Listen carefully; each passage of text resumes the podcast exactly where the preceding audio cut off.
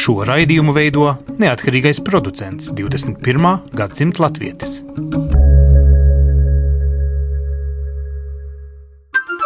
Lai kur mēs būtu, Lai kur mēs būtu, Lai kur mēs būtu, Lai kur mēs būtu, Tie esam mēs. tie esam mēs. Mēs. Tie esam mēs. Mēs. Tas ir par mums. Tas ir par mums. tas ir par mums. Sveicināti raidījumā 21. gadsimta latvieši. Šodien raidījums skan īsi pirms 14. jūnija. Īpaši datuma latviešu tautas nevarētu teikt tos par piedzīvojumiem. Dažiem tā nācās pat šķirties no dzīvības ceļā pa brīvu uz austrumiem. Daži pēc tam aizbraukuši uz austrumiem, no citu pārmet rietumos paliekušajiem vai aizbēgušajiem uz rietumiem latviešiem, ka viņiem lūk dzīve nebrīvē ir bijusi nosacīta vieglāk. Tā pieredze noteikti ir bijusi gan skaudra, varbūt šur tur pat ar smiekliem, un tagad eh, tādā kontekstā Latvijas simtsgadē apkopota grāmatā par to, kā ņiet-ņiet soviet vai akcijas visās iespējamās rietumu galvaspilsētās un mazākās pilsētās. Kontekstos, kad ierodas Krievu armijas orķestris ar viesizrādēm Kanādā. Kontekstos, kad ir kāda baltiešu vai okupēto citu Eiropas valstu teritoriju apvienība jauniešu vai vecāku cilvēku lieta, proti ņiet-ņiet soviet bija vesela kampaņa ar savu logo, ar krekliņiem, ar dažādu izstrādātu stratēģiju, un viss šī pieredze ņiet-ņiet soviet sakarā ir apkopot vienā jaunā grāmatā, ko šis eh, piemiņas centrs vai eh, Latviešu pasaulē muzejs ir izdevis kā vienu no saviem tiešām jaukajiem izdevumiem. Aicinu jūs visus eh, ievērtēt šo grāmatu un noteikti to arī nopirkt un izlasīt, lai zinātu savas tautas pieredzi. Šis raidījums ir veltīts šai pieredzei, kuru iespējams mēs šeit Latvijā aiz priekškara palikušie īsti nenovērtējam vai nemākam saklausīt. Māris eh, Čirsons ir mācītājs, kas dzīvo Latvijā, bet kādus gadus esmu pavadījis Amerikā un uh, principā Daudz gadus daudz gadus Amerikā un daudz viet citur pasaulē. Mārija iemesls, kāpēc es jūs te aicināju šo sarunu par jūsu pieredzi, bija tāda 80. gadā neparasta akcija. Jūs pārgriezāt sev vēnes un uh, mēģinājāt pievērst pasaules uzmanību ar, nu, principā, nu, kas tas bija? Nevis Es to izdarīju. Bet vai tā taču nebija apzināta, nu, pašnāvība? Nē, Jūs nebijāt nē. domājis nopietni par, nolikt par, par to pašnāvību. Tad, kad tā uzmanība tika pievērsta uh, UPS, Reuters, uh, visas tās lielās ziņu aģentūras, CNN tajā laikā nebija, visas tās lielās ziņu aģentūras to ziņu izplatīja pa visu pasauli un pat atsūtīja avīzes no Hongkongas un Brazīlijas, un kur, kur pirmā lapas pusē ir šis jaunais priesters, kuram no rokām tek asins. 80. gadā 80. Madridē. novembrī, kad izvērtēja Helsinku līgumu, jo tā doma bija, lai pasauli piegriež vērību tam, ka Krievi parakstīja šādu līgumu, bet viņi paši to neievēro. Ko īsti nozīmē Helsinku process? Es domāju, daudzi patiesībā Padomju Savienības okupācijā dzīvojot nemaz nezina. Viena lieta, kāpēc tad arī bija trimdas organizācijas, kuras pret to līgumu protestēja, bija, kad atzīst esošās robežas. Tātad tajā veidā varētu teikt, ka mēs atzīstam eh, to okupāciju, bet tās robežas jau tur bija de facto. Bet, kas bija jauns, ir, ka visi tie, kas to līgumu paraksta, saka, ka viņi respektēs cilvēku brīvību, pilsoņtiesības un tā. Kas Un bija smieklīgi, jo Latvijas, eh, okupētajā Latvijā nebija tas- cilvēktiesību. tā- Tie bija tīri meli. Un tāpēc, lai pievērstu uzmanību tam, ka Krievi paraksta kaut ko, bet viņi pēc tam pa to melo, nu tad man prasīja, lai es izgudroju kaut ko tādu, kas panāks to, ka latviešu un arī citu Baltijas tautu jautājumu tad ievēros, un tagad Krieviem nāksies par to skaidroties. Jauns priesteris pārgriež sev vējas, Jā. lai tecētu asinis. Jā. Nu, no vienas puses reliģisks eh, simbols, no otras Jā. puses politisks. Jā. eh, Kāpēc Jā. jūs tā izvēlējāties ar sevi tā darīt? Jo vajadzēja kaut ko dramatiskam, cilvēki piegriež vērību. Un dzimtenes balsī, kas bija tā kultūras sakara komitejas avīze, tur parādījās divas versijas. Kāpēc tas tā noticis? Viens ir, ka Čirsons esot gribējis izdarīt pašnāvību, bet viņam esot kaut kā dūšas sašķiebusies, un viņš to pašnāvību nav izdarījis. Un otrs variants bija, ka Čirsons ir atkal sācis dzert, un tā tad bijis pavisam bļem bļem, un tāpēc kaut ko tādu izdarījis. Un patiesība ir ļoti vienkārša. Jūs cerējāt, ka pievērsīsiet Jā. pasaules uzmanību Jā. ar kaut ko, ko citi arī pasaulē bija Nē. darījuši. Nē. Jūs bijāt Nē. pirmais arī Jā. pasaulē, kas tā Jā. uzvedās. Bija līdzīgs gadījums, un tas mani iedvesmoja. Bija brāļi Bergani, divi katoļu priesteri, kuri protestējot pret Amerikas eh, iejaukšanos karā Vietnamā, apslacīja ar asinīm eh, kaut kādu tur Amerikas eh, ārlietu ministrijas vai, vai Nacionālās aizsardzības ministrijas ēku vai ko. Un uzreiz nākošā dienā parādījās, ka tās nav viņu asins, ka tās ir kaut kādas uh, govu asinis, un ar to tad tam protestam tā uzmanība uzreiz pazuda. Bet ar cilvēku un savām asinīm. Jā, tas, tas ir, ir kaut cits, kas jauns. Un tā tad man tā ideja ienāca prātā, un es par to izstāstīju doktoram Jānim Zvārgulim Filadelfijā, un viņš teica, izklausās labi, ok, svētdien pēc baznīcas pamēģināsim. O, oh, nu labi, mēģināsim.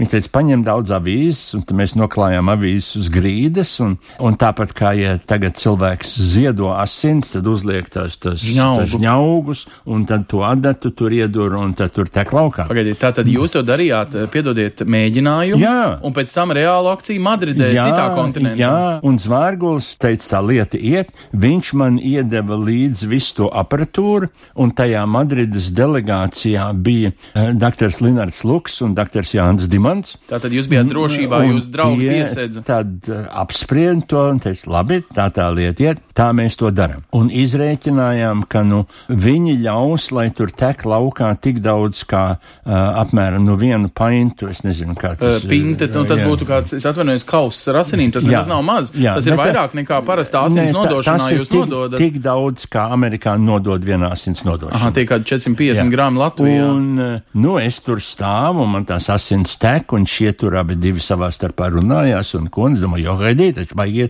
baigi ilgiet. Bet viņi tā parādīja, neuztraucies, so. un tam man prasīja, kāpēc es to daru, un es skaidroju, kāpēc es to daru, lai pievērstu pasaules uzmanību tam, ka Padomu Savienība neievēro likumus un līgumus, kurus viņi paši ir parakstījuši. Mārijas teikt, šis ir tāds zīmīgākais no šajā grāmatā daudziem aprakstītajiem gadījumiem. Jā. Kā jums liekas, ja jūs toreiz jauni un mazliet traki, jūsu vecāku un jūsu pašu sevis iedvesmoti, to nebūtu darījuši? Vai mēs varētu teikt, ka Latvija nebūtu brīva, ka okupācija vēl aizvien eksistē? Nē, okupācija vēl, vēl tu, būtu turpinājusi, tā lieta būtu lēnāk gājusi uz priekšu, jo taču bija jau sajūdis. un- 80. gadā vēl tā īsti ne, 85. parādījās bet tas, perestroika. tā, tā, tas parādās jau. Tātad tas noticis būtu, jo tā struktūra jau bija sapūse no iekšas. Viņa vi, nevarēja būt tā, ka viņa nepū. Un eh, Gorbačovs to saprata un mēģināja to reformēt, bet, nu, kas ir sapūs. Tas ir ieskatās šeit no šīs jā, puses, bet jā. kā ir ar rietumu politiķiem? Jūs jau patiesībā radījāt neērtu fonu priekš viņiem. Eh, Baltiešu lobbyis jau jā. bija nepatīkams arī tiem Amerikas prezidentiem, kuri daži gāja uz kompromisiem un daži nē, un uh, nav jau viss tik skaisti, Nē, kā bet- teikt, rietumu sabiedroto atbalstā mūsu neatkarībai. nē, nē. Tas Baltiešu lobbyis bija ļoti izdevīgs tādiem tautas vietnieku nama vai senatoriem vai ko, kuri reprezentēja tādus rajonus Čikāgā vai Ņujorkā, kur dzīvo daudz poļi vai ukraiņi, Kanādā, ukraiņi un ko. Un tā tad ar to, ka viņi atbalstīja šo etnisko grupu centienus tēvzemēs, viņi atkal varēja uzrunāt savus vēlētājus te Amerikā vai Kanādā, un tā tad viņiem ienāk balss par to. Kāpēc jau te bija tāda Joint Committee for the Baltics and the Ukraine, kur Tātad bija baltiešu baltiešu un, eh, un Ukraiņiem. Tā bija tautas vietnieku nama komiteja, un uh, tie, kuri uh, reprezentēja tādus rajonus, kur šie cilvēki dzīvo, tie jau visi steidzās tajā komitejā iestāties, lai viņu vārds tur parādās, un viņi var teikt, redzi, es atbalstu jūs, tagad jūs atbalstiet mani. ne? Nu, šī grāmata, ko es pieminēju, Nietņiet Soviet, uh, nesen piedzīvoja atvēršanas svētkus Nacionālā bibliotekā, un tur bija arī citi tādi, es negribu teikt jautri stāsti, bet tas bija tāds zināms arī jaunības deksmes, Jā. uh, nu, vēlme Jā, izpausties. jā, Vai tā vienmēr jā. bija politiska, varbūt dažreiz tā bija vienkārši draugu, tagad Latvijā saka tusiņš. Bet eh, tas var būt tusiņš, tas var būt fun, eh, bet tam arī var būt politiska orientācija, un tā tad tu arī ar to kaut ko panāc. Tas ir kā tas bija. Nu, es tad aicinu klausīties jā. eh, jūsu kolēģos, piemēram, eh, Valds Palovskis, vēlāk bija Pasaules Brīvo Latviešu apvienības vadītājs. Jā. Viņš arī, piemēram, piedalījās eh, šādā kampaņā. Ieklausīsimies grāmatas atvēršanas svētkos eh, ierakstītajos fragmentiņos no, jā, pašu cilvēku atmiņām, kas ir arī viņu pašu nolasītas. Pēc tikšanās ar Zviedrijas vēstnieku mēs Mudītas istabā kārtojam papīrus. Nākošajai vizītei pie Amerikas vēstnieka. Es uzēju augšā savā istabā, kad pēkšņi atskan telefona zvans Mudīte un saka, mūs apcietina.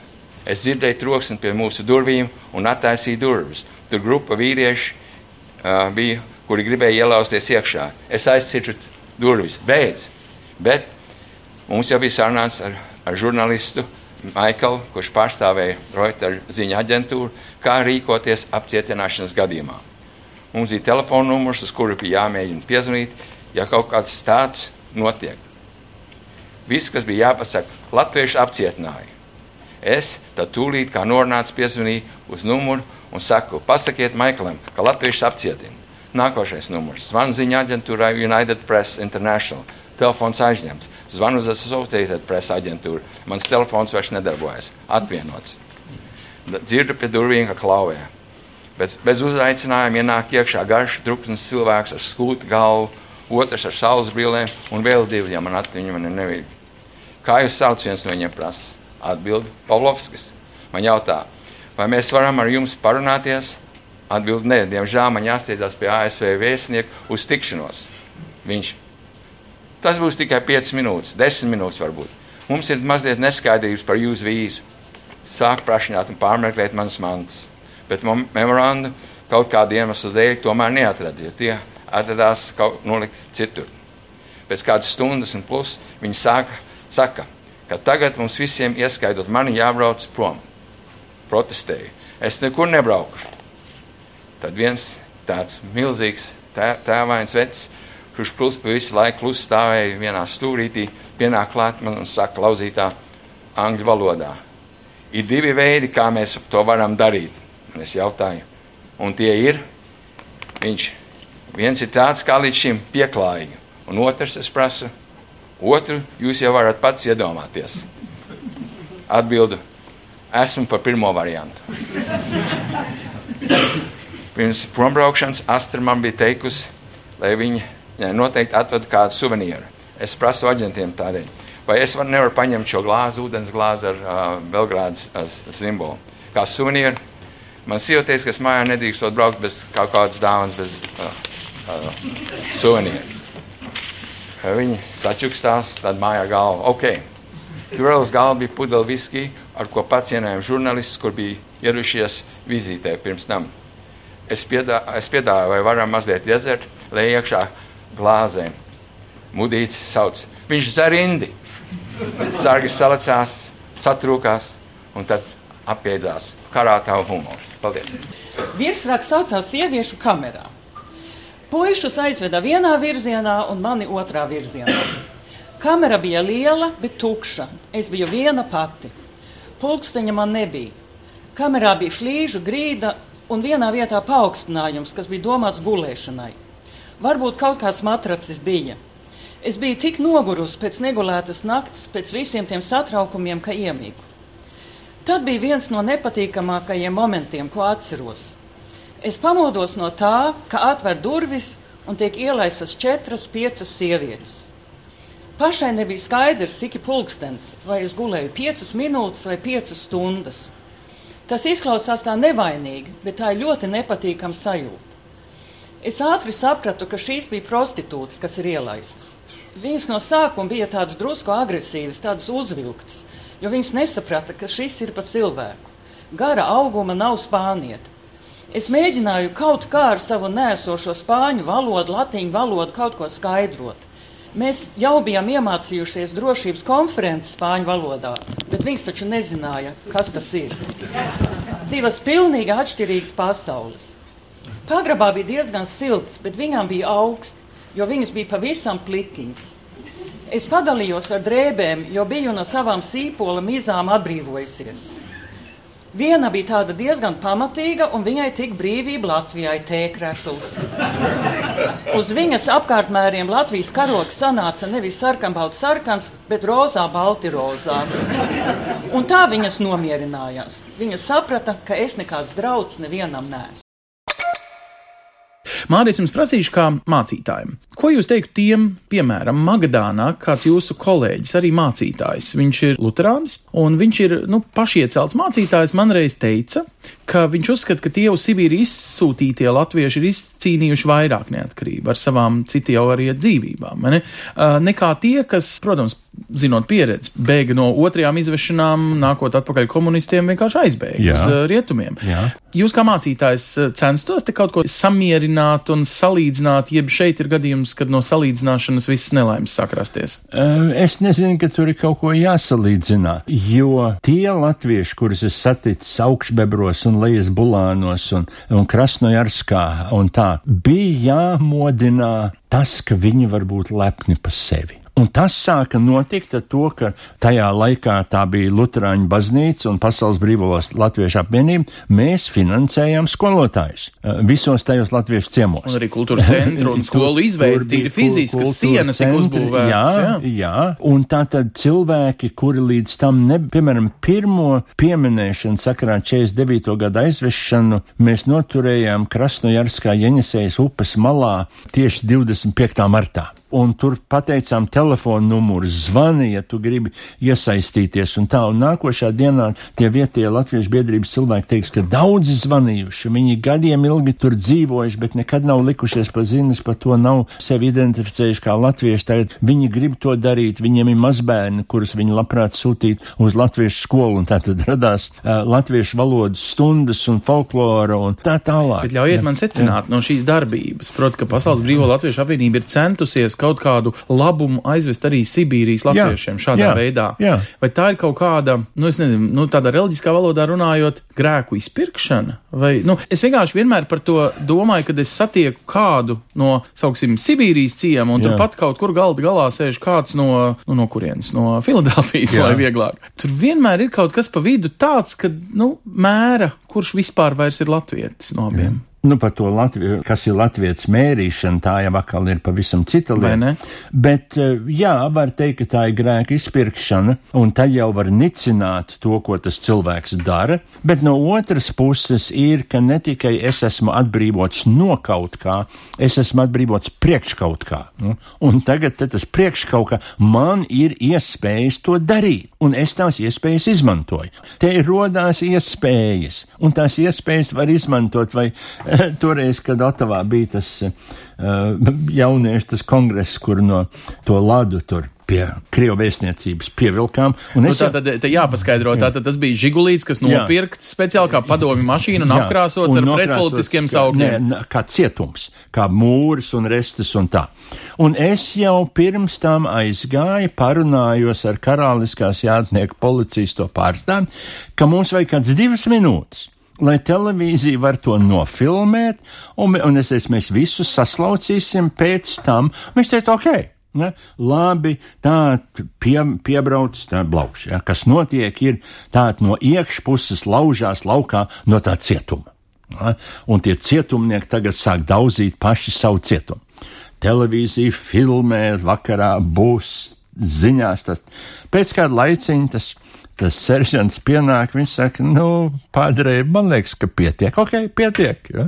Viss man aizvāc, aizvāc. Un jūs tiešām visu notīrījāt? Jā, notīrījāt. Nu, tātad latviešiem ir arī džentelmeniskas vienošanās bijušas šajās akcijās jā, un rietumu tādi jā, ikdienas cilvēki kā jā. policisti vai ko jūs sirsnīgi vienmēr ir atbalstījuši. Jā, jā. Kas jūs, Latvijas republikas pilsoni, kas nu jau ar diezgan atkal prāvu gadu skaitu Latvijā nodzīvotu, iedvesmo šobrīd Latvijas nu, simtsgades pastāvēšanai, lai būtu vēl 200 gadi, ko svinēt? Kas jūs iedvesmo? Kas mani iedvesmo pašlaik ir Mērsraga baznīca. Es tur tagad gadus, divus gadus esmu bijis mācītāja vietas izpildītājs. Un uh, tur vienā galā, kur saule visvairāk spīd, tā krāsa no, no Padomu Savienības laikiem uh, lupanost. Un es teicu, mēs taču varētu šito te nok nokrāsot. Un, un, tā, un cilvēki teica, jā, mēs varam. So, mēs esam to veco baznīcu notīrījuši, mēs esam paši mm, savākuši to naudu, tā krāsa ir nopirkt, tagad nākošais, te ir tā iespēja, te ir tā vajadzība. Mēs viņu apmierinam. Un, un mēs varam vieglāk gulēt vai, vai, vai kaut ko tam līdzīgu. Eh, Tās iespējas ir, beigsim pukstēt. Vienkārši darīsim, un tā paši par to papriecāsimies. Jā, arī to ir jāmāk nosvinēt. Un šoreiz tā sanāk, ka raidījumā, kurš ir faktiski veltīts vienam ļoti bēdīgam ga- datumam, 39. gada 14. jūnijam, izvešanām, mēs tieši mēģinām to iedot to perspektīvu, ka patiešām neaizmirst. Un varbūt ņetņiet sovieti šī grāmata lapas muzeja mājaslapā atrodam arī instrukciju, kā viņu nopirkt arī daudzās Jā, Latvijas jā. grāmatnīcās, lai kļūst mums par tādu šīs sarunas iedvesmotu, Jā, bet arī jā, ieganstu um, izlasīt Jo- to, jo tā ir mūsu tautas nu, daļa no vēstures. Jo sakarā 14. jūnija izrādās, ka mans tēvs bija mācītājs, mana mamma skolotāja. Um, Un man bija seši mēneši tajā laikā cienīgs vecums. Izrādās, ka mēs bijām tajā sarakstā. Izvedamo sarakstā. Bet kaut kas pirms tam mans tēvs bija nokristījis vienu bērnu, eh, kura tēvs bija komunists, un apkārtējie mācītāji bija atsacījušies to bērnu kristīt. Un tēvs toreiz teica, tā nav tā bērna vaina, ja, ka tie vecāki ir tādi, kādi viņi ir. Un to bērnu nokristīja. Un tad izrādās, ka tajā vakarā uh, mācītāja mājā ir pienācis zvans, un, un viena balss ir teikusi, pēc iespējas ātri lasieties no tās mājas laukā, jo jums brauc pakaļ. Mm. Uh, un tā tad mēs nebijām mājā, un tad tā, tā, tās smagās mašīnas esot atbraukuši, izmeklējušies, atkal aizbraukuši. Un tā jau skaidrs ka tad, kad krievi nāk apakaļ, ja jau tu biji tie sarakstā vienreiz, tad tā jau gan jau būs otrs saraksts, un tu atkal tad, tad būsi. Un, un, piemēram, mans tēvs bija pirmais mācī, pirmais, kurš nebija leģionārs, kur uzņēma Daugos vanagos, jo viņš braukāja apkārt pa kara gūstekņu nometnēm, turēdams dievkalpojums, bet vestams iekšā stangas, lai latviešu leģionāri var no tām gūstekņu nometnēm tikt laukā, eh, jo tad bija, kad Zviedri atdeva leģionārus Krieviem, un tas bailes bija, ka tas arī var notikt, bet ja tu esi tajā nometnē iekšā, tad jau nu tev nedos apakaļ Krieviem, tā tad veicināt to, ka, ka, ka latviešu leģionāri var no tās kara gūstekņu nometnes tikt lauktā, tikt tajā, uh, tikt tajā nometnē iekšā. Parastās bēgļu nometnes, kā teikt, pārbeigt, jā. Tā tad var jau būt, kad eh, es kā, un viņš esot man ņēmis līdzi. Un stāstījis, ka tam puikam ir krustēvs tur, un, un kamēr tur kāds no tiem leģionāriem ar mani spēlējās, viņš tur dievkalpojumu, bet sprediķi vietā viņš stāsta, uz kurieni bēgt, eh, tā ka viņi tiks laukā. Mārtiņ, es prasīšu vienkārši, tad sanāk tā, ka ne tikai tāpēc, ka jums ir, ā, nu, dzimtas arots mācītājs, bet principā varbūt pat 14. jūnija dēļ jūs esat mācītājs vēl aizvien? Visu savu Iespēja- mūžu tā nokalpojis. Ja? Jo, ko, ko ir svarīgi paturēt prātā, ir, ka vēsturiski vācieši jau bija latviešu lielie ienaidnieki. Nevis krievi. Ne? Okay, bija cara tētiņš, bet muīšu kungi visi bija vācieši. Un tas, kas notiek 14. jūnijā, to lietu tā izmaina, ka tagad tie, kuri vēsturiski bijuši ienaidnieki, tie vismaz uz laiku ir kaut kādi glābēji. Jā. Eh, Tas, tas psiholoģiskais sitiens, kāds notiek, eh, ir eh, neiedomājams, un, un cilvēki reaģē. Ja? Ne jau visās Eiropas malās bija divas okupācijas. Dažiem, mm, ja jā. tā drīkst teikt, paveicās ar vienu. Jā, Uh, Mums jā. tās bija divas, un tās patiešām Jā, samaisīja jā. daudziem cilvēkiem galvu. Un tāpēc bija ļoti svarīgi, kad uh, Andrejevs, kad uh, viņš bija vēstnieks. domājat, Georgi Andrejev, Jā. kas bija vēstnieks Kanādā? Jā, jā. Viņš jau tad, kur vien iespēja bija, viņš teica, mīļie cilvēki, latviešiem otrais pasaules karš beidzās 91. gadā.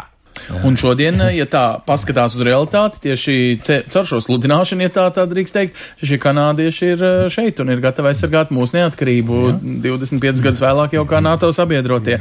Māri, es jums teikšu sirsnīgi paldies. Māris um, Čirsons ir mācītājs, kas, nu, ir mācītājs Latvijā, bet savu dzīvi pavadījis arī drupinot padomju savienību caur ņetņet sovietu pieredzi vai šī kampaņa, kas varbūt katram, kas dzīvo ārzemēs un ir bijis gados jauns un dedzīgs cīņā pret padomju savienību, nozīmē kaut ko. Pats sauklis, pats krekliņš ar šo saukli un daudz un dažādi stāsti. Arī video liecības, kuras eh, lapas pasaules latviešu krājuma muzejā drīz eh, būs eh, pat video formātā formātā, interesanti video stāsti, bet par tiem jau kādu uh, citu reizi. Redījumā 21. gadsimta latviešu mēs vienmēr atvedamies ar mazu pārskatu par to, ko jūs savā latviskumā un ikdienā varat šajā nedēļas nogalē piedzīvot, ja dzīvojat kādā no pasaules kontinentiem un esat latvietis un gribat būt latvietis šajā sestdienā, svētdienā. Uz redzēšanos! Paldies!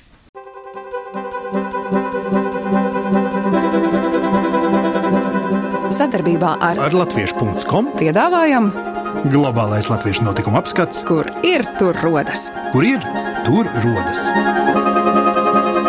Tas ir par mums.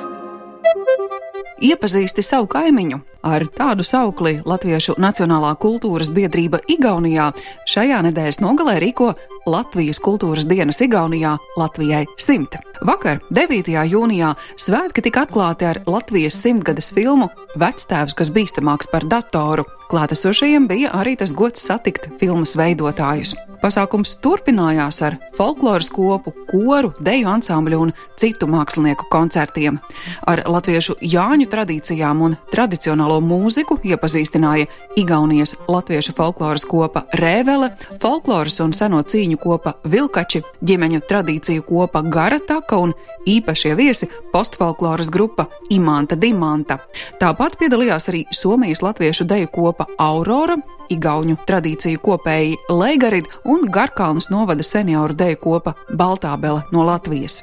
Savukārt Tallinas Latviešu skoliņas Taurenis audzēkņi sadarbībā ar Baltijas filmu skolā studējošajām latvietēm Santu Siņicu un Sindiju Vītolu pārsteidza ar sagatavotajiem priekšnesumiem. Šodien Tallinas vecpilsētā Omulīgajā meistaru pagalmā svinības turpināsies ar latviešu gardumu un meistardarbu tirgu un svētku dalībnieku koncertiem.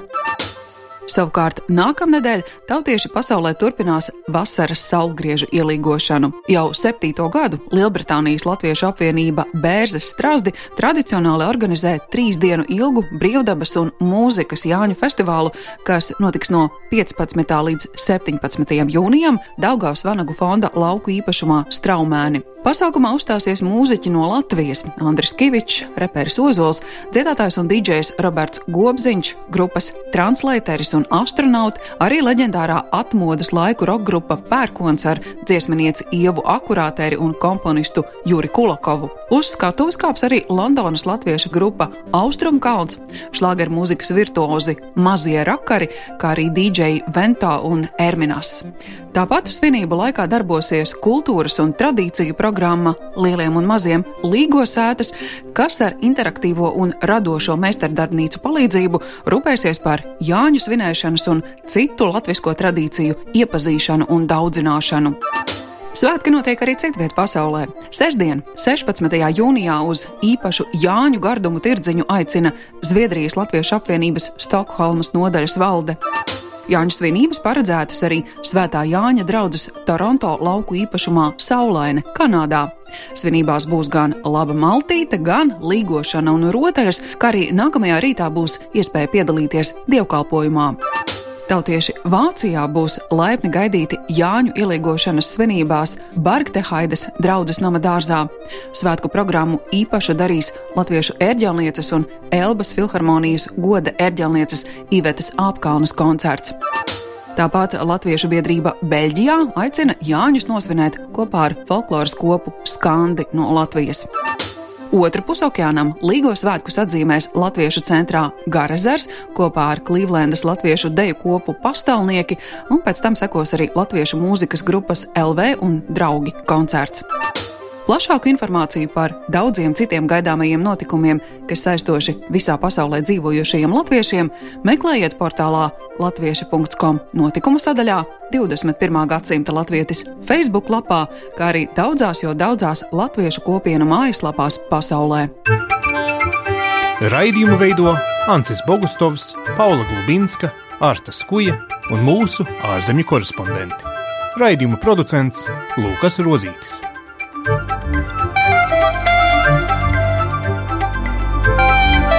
Lai kur mēs būtu, Lai kur mēs būtu, Tas ir par mums. Tie esam mēs. tas ir par mums. Tie esam mēs. Tie esam mēs. Tie esam mēs.